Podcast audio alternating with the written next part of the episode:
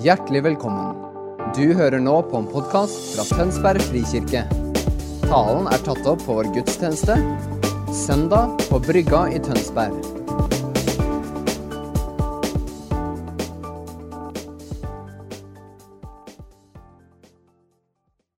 Takker deg for at det er frihet til å være den vi er i fellesskapet her. Og takker deg for at eh, vi kan være fellesskap som tar imot hverandre med nåde. Og den nåden som vi har fått mottatt fra deg, det kan vi få lov til å gi videre. Takker deg for din godhet imot oss. Takker deg for din storhet. Takker deg for din herlighet. Og takker deg for din uendelig, uendelige kjærlighet som er uten grenser, og som er betingelsesløs. Herre, gi oss et Gi oss på ny en erfaring av din kjærlighet.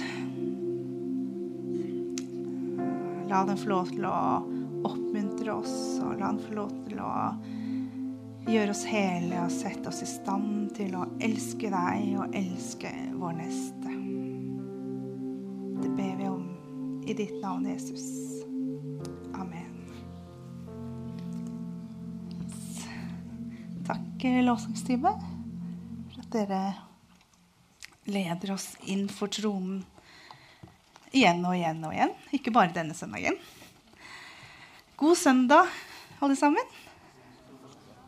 Godt å se dere. Hvis jeg gjør litt sånn, så ser jeg dere veldig mye bedre, faktisk. Så um, jeg tror denne søndagen her det, Her har vi mye godt i vente. Vi skal ha mye fellesskap. Eh, og så skal vi få lov til å um, få lov til å være, være den vi er. Litt sånn som jeg eh, ba innledningsvis. Jeg ønsker at vi skal være et fellesskap. Vi kan komme som vi er. Og så kan vi bli møtt og møte hverandre med den godheten og den kjærligheten og den nåden som Jesus viser oss, som vi får lov til å motta fra Han. Så blir vi et nådens fellesskap. Og det er en fantastisk ting. Det er noe som jeg tenker at Altså, det er noe som er utrolig attraktivt. Å få lov til å være et nådens fellesskap. Få lov til å være der for hverandre og kjenne hverandre på tvers av generasjoner, på tvers av personligheter. Og ja, med alle disse variablene som vi er, så kan vi få lov til å komme sammen. Og så kan vi få lov til å være et nådens fellesskap. Så jeg håper du sitter her og har litt sånn der senka skuldre og ja, at du er komfortabel. Mm. Eh, vi er jo i den taleserien med Jesus-møter og ser på hvordan Jesus møter ulike folk i Bibelen. Og det er en ganske spennende taleserie, egentlig. Eh, litt sånn som Sven Kjetil, Sven Kjetil sa, at vi har vært innom allerede. Kvinnen ved Sykars og vi har vært innom Peter. Og, ja, og i dag så skal vi faktisk eh, se på Pontius Pilatus. Hvilken Jesus var det han møtte? Eh, jeg vet ikke når det her kommer, når vi, vi jobber i, i, team, i forkynnerteam, og liksom sparrer og planlegger og sånn. Så kom, liksom, kom, vi fram til det her, og så, og så tenkte jeg åh, Pontius Pilatus, han er spennende. Hvordan, Hvilken Jesus var det han møtte, egentlig? Eh, og, så, og så ble jeg så fascinert av det, så jeg håper at noe av denne fascinasjonen liksom kan, kan liksom smitte litt på dere. Da, at dere kan bli med meg inn i det her. Pontius Pilatus. Ja. Altså Det er jo mange folk opp gjennom historien som har gjort seg bemerka. Ikke sant? Og jeg vet ikke om dere har hørt den her eh, Jeg prøvde ut da, på liksom Sunniva og den aldersgruppa der. Der var det liksom ikke helt sånn Jeg traff ikke helt, de kjente det ikke igjen. Men det er kanskje noen andre her som kjenner det igjen. Eh, cogito ergo sum. Er det noen som har X-fill? Hørte dere den setningen der? Er det noen som husker hva det betyr? Ja, jeg tenker, altså er jeg. Er det noen som husker til og med hvem som sa det? Det svarte, jo. Riktig. Ti poeng der. Til deg, Geir, eller noe? Det var deg? Ja, ja det var Aske. Ja, Ti poeng til deg. Eller den her Peace in our time. Hvem var det? Ja, ikke sant?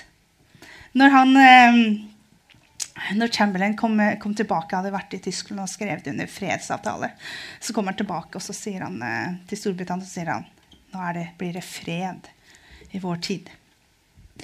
Det var jo en eh, hva skal jeg si, Da forskutterte han litt, tør jeg påstå. Eller den her I Have a Dream. Ja, Martin Luther King jr. Og jeg skulle tro at det var sånn der i quiz. Vi skal ikke ha quiz hele søndagen. Men poenget mitt er at det er mange menn og kvinner som har satt spor i verdenshistorien. Og de har liksom etterlatt seg en, en sånt ettermæle, eller altså, Rykte er kanskje litt upresist ord, men det, liksom, det, de har sagt og det de har gjort, har liksom, har liksom stått tidens tann, da, kan du si. Um, og så har jeg liksom tenkt litt sånn der, ja, Kanskje ikke jeg liksom har sånn kjempestor impact på verdenshistorien, men, men, det hadde vært fint med et litt sånn godt ettermæle, da. Om ikke annet. Uh -huh. Jeg syns det hadde vært fint. Er det noen andre som syns det hadde vært fint? Ja? Altså Ikke bare at jeg skulle ha et godt ettermæle, men at dere skulle ha et godt ettermæle. Um, og så kom jeg liksom til Pontus Pilatus, liksom. Uh, altså, han, står jo i historien, han også. Må jo si at det han har gjort, og det han har sagt, virkelig har stått tidens tann. Uh, kanskje ikke helt sånn du og jeg skulle ønske, men uh, han har liksom Den mannen som helt liksom, i oldkirken var liksom tidenes bøddel. Uh, det, er jo, det må vel kunne si om han. Og så er det denne ikke sant, som vi sier når vi, når vi tar nattvær til dåp og sånn. Trosbekjennelsen. Jeg tror på Gud Fader, himmelens og jordens skaper. Jeg tror på Jesus Kristus, Guds enbårne sønn, vår Herre, som ble unnfanget ved Den hellige ånd, født av jomfru Maria og ja, ikke sant? Der var han. tenker jeg, Det er liksom det som står for historien. da. I over 1500 år så har vi liksom henta fram han eh, på den måten. Og tenker jeg, det er jo ganske Ja. Det, det, er kanskje ikke det som vi ønsker å bli huska for, men det er faktisk et ettermæle for historien. Og så tenker jeg at det, dette møtet det kan vi gå til eh, Johannes. Der. Kapittel 18, vers 33-38. Så hvis dere blir med meg, så kan vi lese det sammen.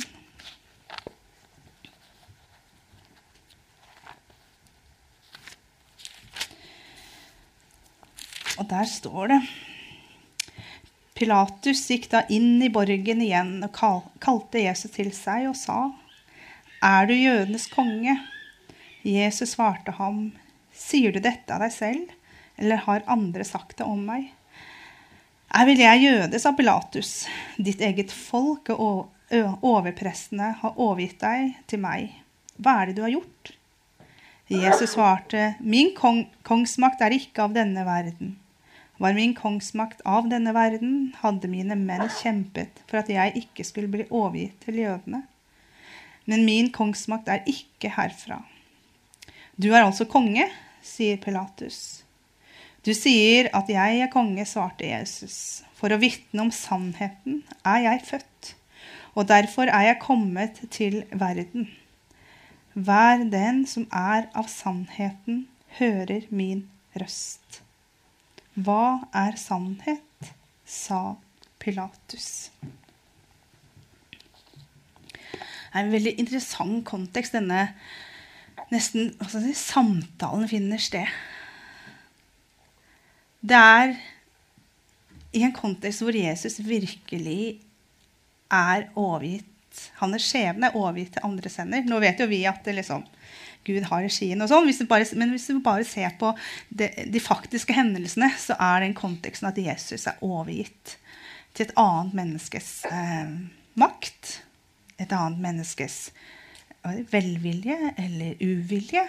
Eh, og jeg tror Jesus ville ha kjent på en viss følelse av avmakt. Det vil være veldig naturlig i den, i den settingen her. I møte med styresmakter, en, altså en som representerer eh, de som undertrykker både sitt eget folk, og nå står han her og er eh, i en posisjon eller en, i en skjebne og møter sin egen avmakt. Og det er jo ganske spesiell. Man, det er jo litt sånn her det, Når jeg studerte teksten, så tenkte jeg Jesus og Pilatus har jammen meg mer til felles enn det jeg hadde trodd. Du har, du har, Pilatus, som representerer makt og myndighet og, og, og altså, Romerriket, det mektige riket. Og så har du Jesus, som også representerer et rike. Han er konge, men dette riket er ikke av denne verden, sier Jesus. Så begge to hadde makt og innflytelse. Pilatus fra det jordiske, Jesus fra det himmelske. Og så På en forunderlig måte så ser vi hvordan denne, denne samtalen, eller avhøret, eller Det er liksom en miks av begge deler. Så ser du hvordan Jesus, som egentlig står med en avmakt, plutselig har makt til å definere sannhet. Fordi at han er sannheten. Og så skifter det fordi Pilatus plutselig blir stående som den som ikke har så mye makt, som ikke veit, som stiller sin egen sårbarhet og sier 'Hva er sannhet?' Plutselig så har de begge befinner seg i en avmakt og makt. Avmakt og maktposisjon. Og det syns jeg er fascinerende, det møtet som, som finner sted der. Det er, det er, en samtale eller et møte mellom en som søker sannhet, og en som er sannhet. Han som er sannheten. Så er jo det her tidenes justismord. ikke sant? Du tar en mann uten rettergang, uten, ja, no, uten forsvarer. Så bare avser man en dom. En dødsdom. Eh, og en dom til å bli henretta på den, en av de mest grusomme måtene. Eh, korsfestelsen eh, var jo på den tiden frykta og si, berykta som noe av det grusomste man kunne, kunne bli tatt av dage med. Um, og ja, nå skal ikke jeg legge ut det. Hun har jo kikka litt på det, litt sånn med sykepleierblikket, da siden jeg er sykepleier i bånn, så vet vi alt som skjer, skjer med et menneske eh, som blir korsfesta. Og i dette justismordet er det vi finner eh, både Pontus Pilatus og Jesus. Og så er det fascinerende da, med at det Pontus Pilatus som hadde, hadde et oppdrag om å være en som utøver eh, en rettferd. Det var jo en rettsinstans, på en måte. Um, og så har vi Jesus, som også har et oppdrag om å bringe frelse, om å bringe Guds rike. Og så Jesus som, som eh, holder på oppdraget og fullfører oppdraget og er tro mot oppdraget i det han gir seg til kjenne, både som konge og som sannhet for Pontus Pilatus, og så har du Pilatus som, som feiler til å rett, eh, utøve en rettferdig dom. Så sånn sett har ikke han Han klarer ikke å opp, uh, opp, altså holde fast på sitt oppdrag. Det blir jo to kontraster, dette her. Og så har vi Jesus som Eller Pilatus som, eh, som forsøker å rettferdiggjøre seg selv. Han toer sine hender og sier at eh, 'jeg er ikke skyldig i dette her'. Eh, prøver å rettferdiggjøre seg selv. Og så har du Jesus, som ikke så veldig mange timene før hadde vaska disiplenes føtter. For å gi de rettferdighet. For å gi oss rettferdighet. Så på mange måter kan man jo si at de hadde mye til felles. Og så var det mange kontraster i dette møtet. Så er det sånn et sånt møte med sannheten. Den både avslører og avkler. Så er det sånn at Menneskers møte med Jesus trigget alltid en respons. Det skal man se på alle disse eh, Jesus-møtene som vi skal snakke om. Den trigger alltid en respons. Eh, altså, en, noen blir provosert, noen blir helbreda og blir glade, og noen blir forarga. Eh, men det vekker alltid en respons. Eh, det er ingen som går fra et møte med Jesus og er likegyldig, eller som ikke um, føler at de må, de må, fatte en beslutning på hvordan de skal forholde seg til Jesus. Møte med sannheten. Den avslører, avkler, men kan også påkle. Og jeg har lyst til at vi skal um, stoppe opp litt der med sannhet. I forberedelsen til talen så spurte jeg Sunniva i går du Sunniva, på dette spørsmålet Hva er sannhet? Og så sier Sunniva veldig kjapt eh, Det kommer an på hvilket svar du vil ha, det. Så jeg, det var interessant. Um, for jeg tenker at Det er et svar som viser, eller som er ganske symptomatisk for vår tid. I vår tid så er det mye som blir holdt for sant. Og i vår tid så er det mye som en, si, en sann, Sannheter er noe du setter to streker under svaret, og så, og så er det på en måte Men samtidig er det opp til hver enkelt å definere denne sannheten. Sannheten har plutselig ikke blitt noe konstant, men sannheten har blitt noe relativt.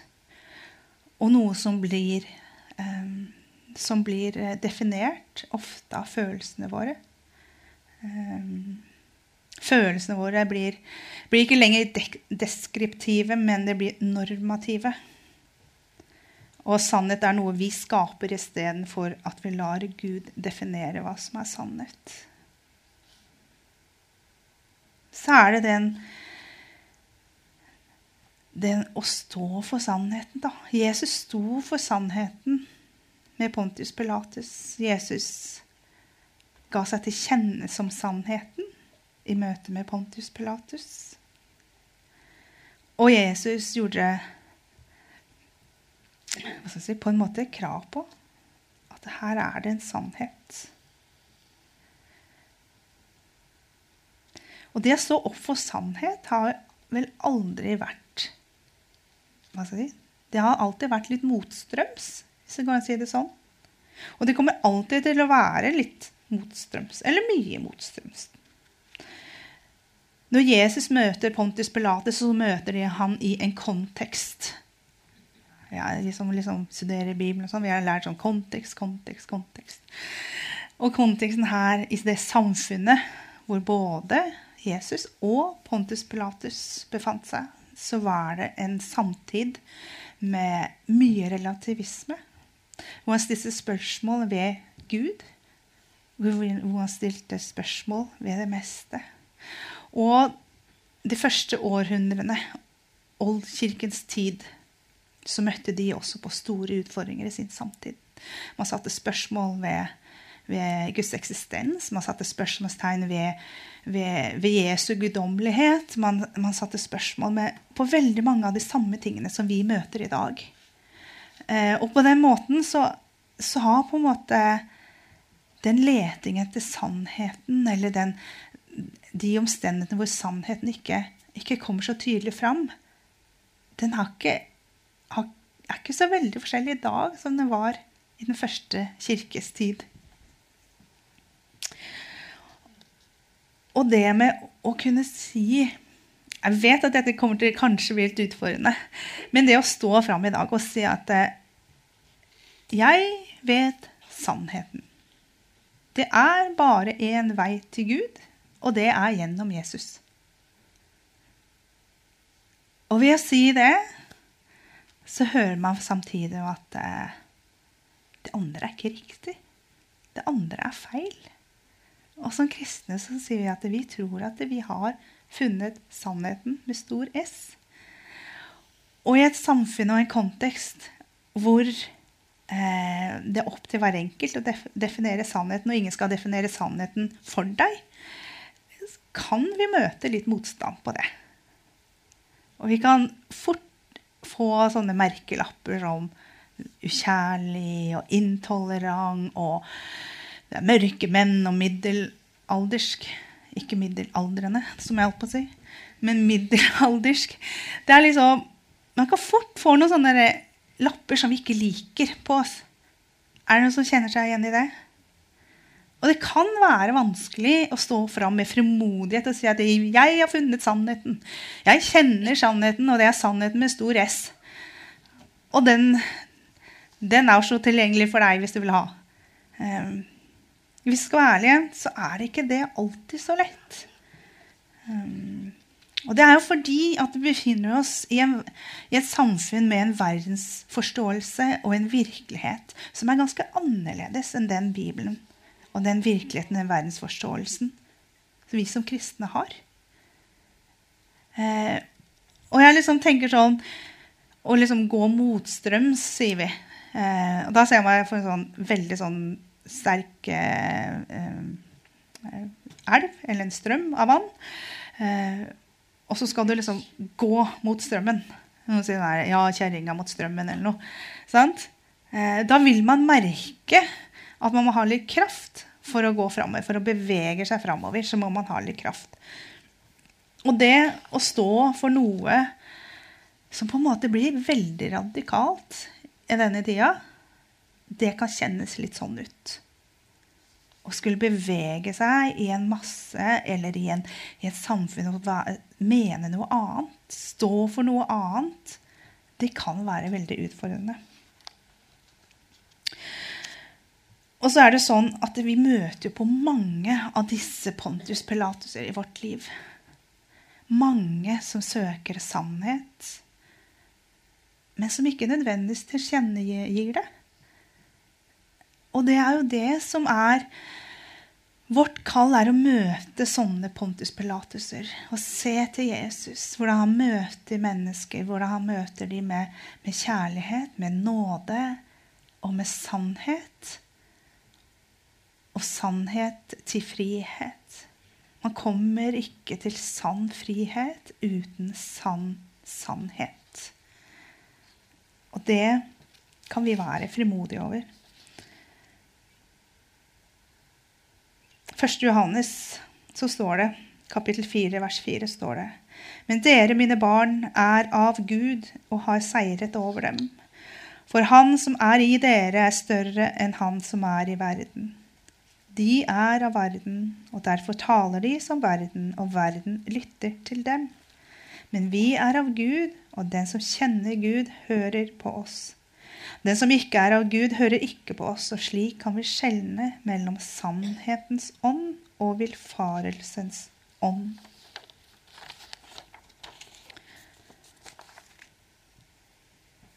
I den første kirkes tid og i dag så er det mange som blir forfulgt for sin tro. Mange kristne blir forfulgt for sin tro. Vi har En gang i året så kommer de for åpne dører.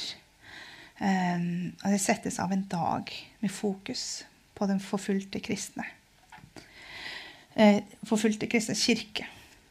Og så tenker vi ja, men jeg er veldig glad at det ikke er forfølgelse her. Jeg bor jo i Vesten, og her er det ytringsfrihet. Og her er det frihet til å mene og tenke og ytre det man vil. Og samtidig tror jeg mange av oss kan kjenne på den med um, at det kan koste å stå for Jesus. At det kan koste å si at man er en kristen. Det kan koste at man sier at ja, men jeg tror på Bibelen. Jeg tror at den er sann. Jeg tror at den er et uttrykk for Guds gode vilje for menneskeheten, men for meg og for deg. Um, og vi kan og man kan merke også i samtiden, i sosiale medier og i, i aviser og på ulike arenaer, så er på en måte Gud kasta ut. Det er ikke Det kan være ganske utfordrende å heise flagget, ikke sant? sånn som Lisa Børud synger. Um, og det å heise flagget for Jesus. Så slo jeg opp i, i Cambridge Dictionary. Og der står det at forfølgelse kan defineres som unfair or cruel treatment over a long period of time because of race, religion or political belief. Og Den norske akademiske ordboken beskriver det som det å systematisk jage og straffe noe eller noen pga. etnisitet eller religiøs og politisk overbevisninger. Det med unfair treatment stoppa jeg opp med. Når vi blir kasta på noen merkelapper som ukjærlige, intolerante og Det er jo litt dårlig gjort, da. Jeg, jeg, vil anse meg selv ikke som så veldig ukjærlig og intolerant. Jeg vil jo egentlig definere meg selv som ganske motsatt. Eh, og tenke at med med, når det koster så mye noen ganger, så tenker jeg at, eh, at det å være edruelig, det å være eh, hva si, Forstå samtida si kan gi oss større frimodighet. For hvis jeg skjønner hva som skjer, hvis jeg skjønner hva, hva, hva si, hvordan virkeligheten er, og, og, hvordan jeg møter den, og hvordan den oppleves, ja, da er det lettere å gå motstrøms. Da er det lettere å stå opp. Da er det lettere lettere å, um, å heise flagget, hvis man vil si det sånn. Fordi jeg skjønner hva som skjer. Og så har det alltid kosta å følge Jesus. Det kommer alltid til å koste å følge Jesus. Og det er ikke for at vi skal bli pessimistiske og legge oss ned og, og, og tre inn i en offerrolle, men det er fordi det er et faktum. Og det er eh, Bibelen er veldig klar på det. Har du forfulgt meg, så kommer de å forfølge dere, sier Jesus til disiplene sine. Eh, og det er eh, Hva skal jeg si Der er det vi får kraft. I møte med den virkeligheten så får vi kraft til å leve som Jesu etterfølgere, og så å gi det videre, det som vi har fått motta. Og vi får lov til å stå opp for trua og gi evangeliet videre.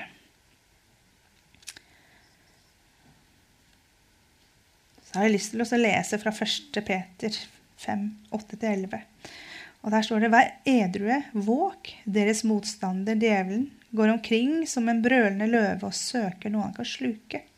Stå han fast i troen, for dere vet jo at brødrene deres rundt om i verden men gå igjennom de samme lidelsene. Men all nådes Gud, som har kalt dere til sin evige herlighet til Kristus Jesus, etter en kort tids lidelse, han skal dyktiggjøre, stadfeste, styrke og grunnfeste dere. Han tilhører makten i all evighet. Amen. Jeg skal gå mot en avslutning. Jeg tenker det er all grunn til å tro at Jesus, nei, Pontius Pilatus sitt spørsmål fremdeles står seg i dag. For det ligger så tett oppunder de eksistensielle spørsmålene som alle mennesker har hatt i alle tider. Hvem er jeg? Hvor kommer jeg fra? Hva er meningen med livet? Fins det liv etter døden? Alle disse eksistensielle spørsmålene ligger i alle mennesker. Bibelen sier at evigheten, Gud har lagt evigheten ned i menneskers hjerte. Og noe av Gud, noe av den, den lengselen etter Han Når vi ikke kjenner Han, så vil den alltid være der. Og den vil dra oss. Den vil få oss til å lete. Akkurat som Pontus Pilatus i møte med Jesus. Hva er sannhet?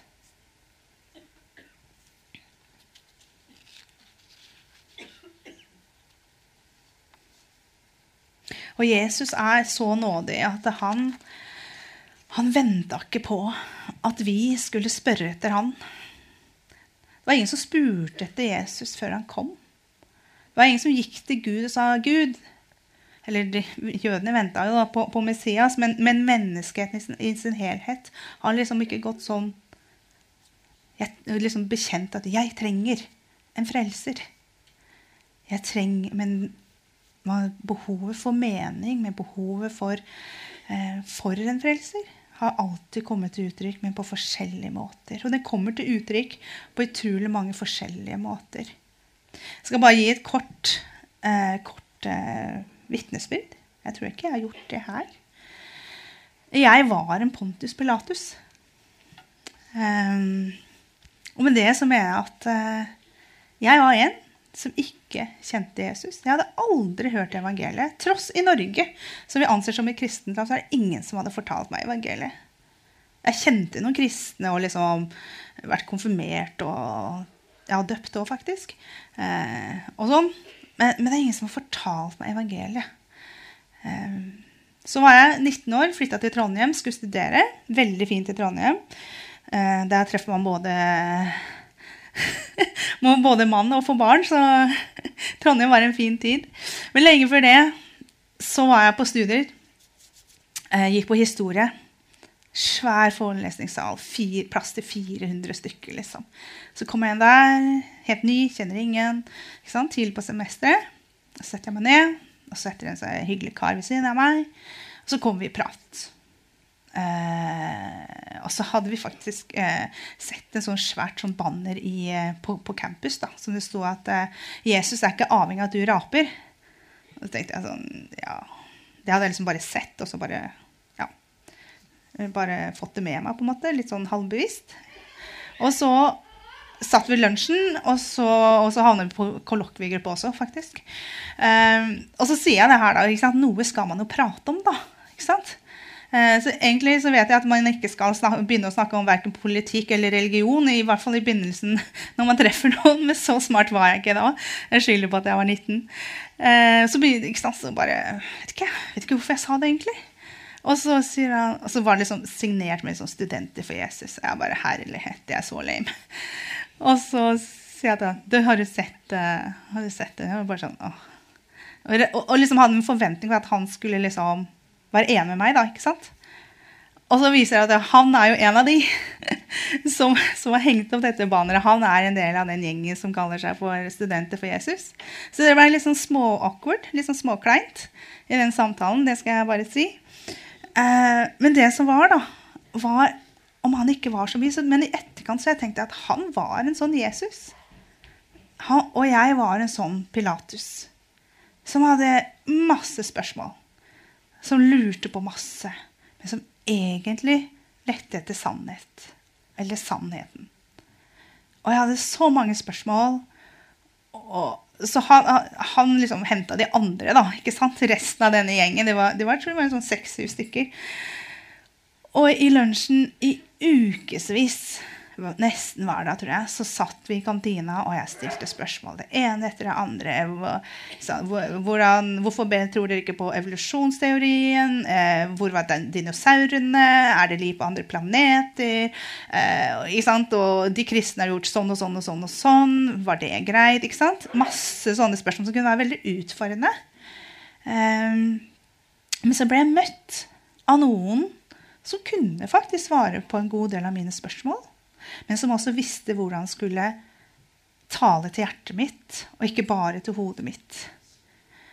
Og de skjønte at jeg søkte sannheten, men det gjorde jeg ikke sjøl. Jeg hadde vel mest behov for å bare liksom lire til meg liksom, alt det jeg tenkte på. Eller egentlig så tror jeg jeg sa mye også bare for å provosere og se hvordan det reagerte. Alt det var en innpakning på min, egentlig, min dypeste lengsel, som jeg ikke hadde ord for, og som jeg ikke var klar over. Men jeg søkte hva er sannhet? Og det har jeg liksom lyst til å oppmuntre oss sånn helt på slutten om vet du hva, Det fins mange pilateser der ute. Det finnes mange som meg der ute.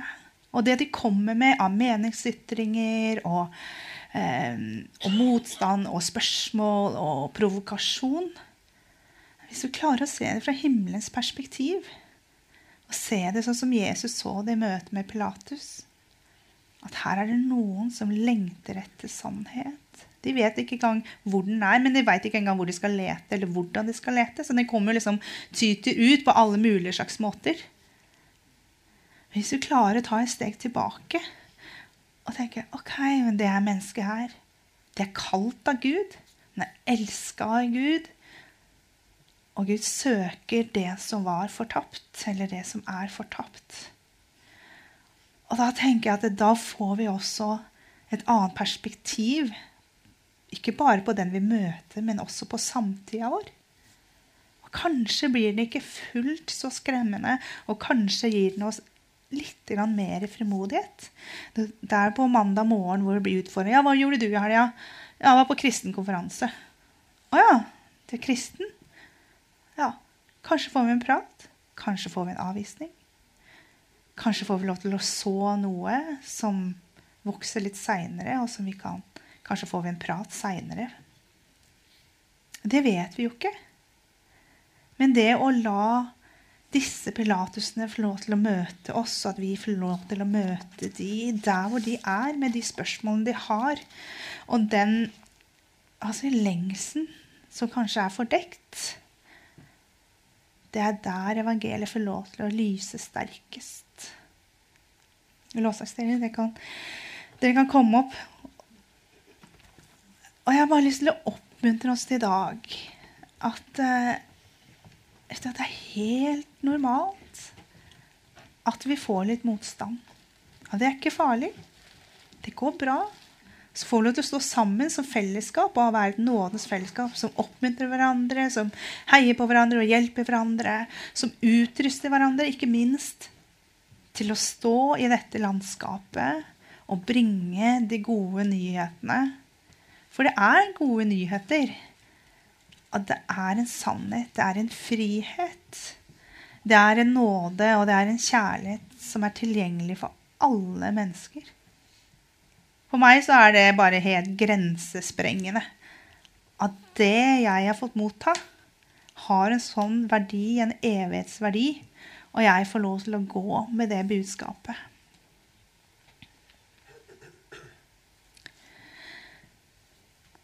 Så jeg håper at um.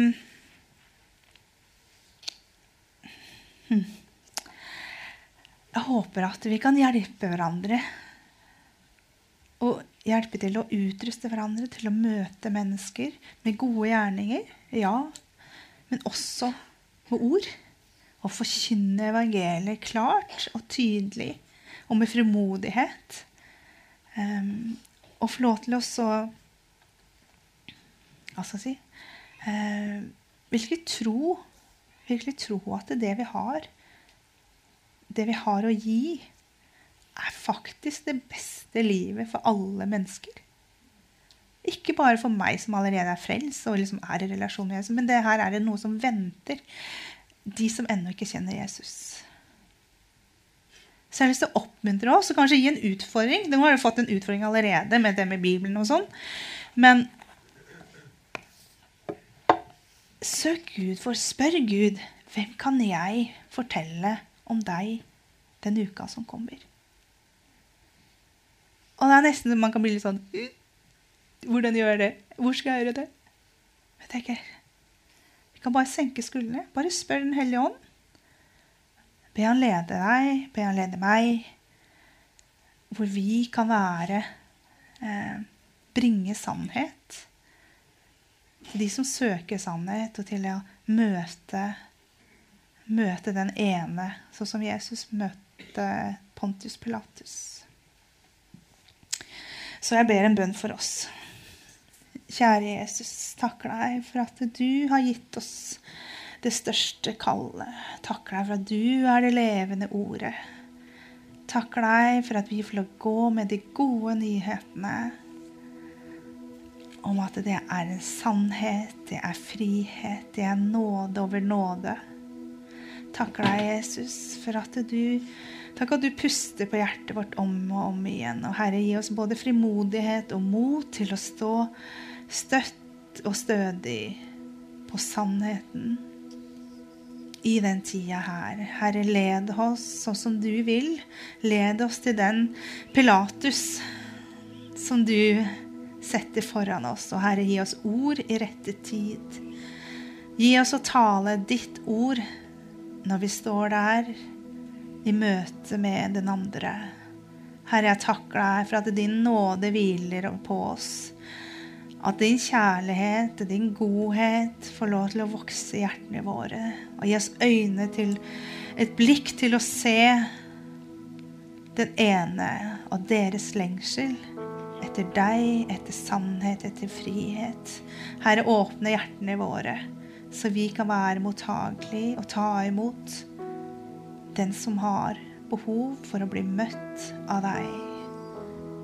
Takk deg, Jesus, for fellesskapet vårt, at vi får lov til å være et nådens fellesskap, og at vi kan få lov til å invitere inn til dette fellesskapet. Og Herre, ønsker jeg bare å forløse en frihet over hver enkelt som er her i dag. En frihet til å stå for det som er sant og rett og godt. I en tid hvor sannhet ikke lenger er noe konstant, men sannhet blir definert av den enkelte. Herre, takker deg for at ditt ord er sannhet. Takker deg for at du er sannheten som taler inn i våre liv. Og at vi får lov til å tale sannhetsord inn i andre menneskers liv. Gi oss nåde til det. Det ber vi om i Jesu navn. Amen.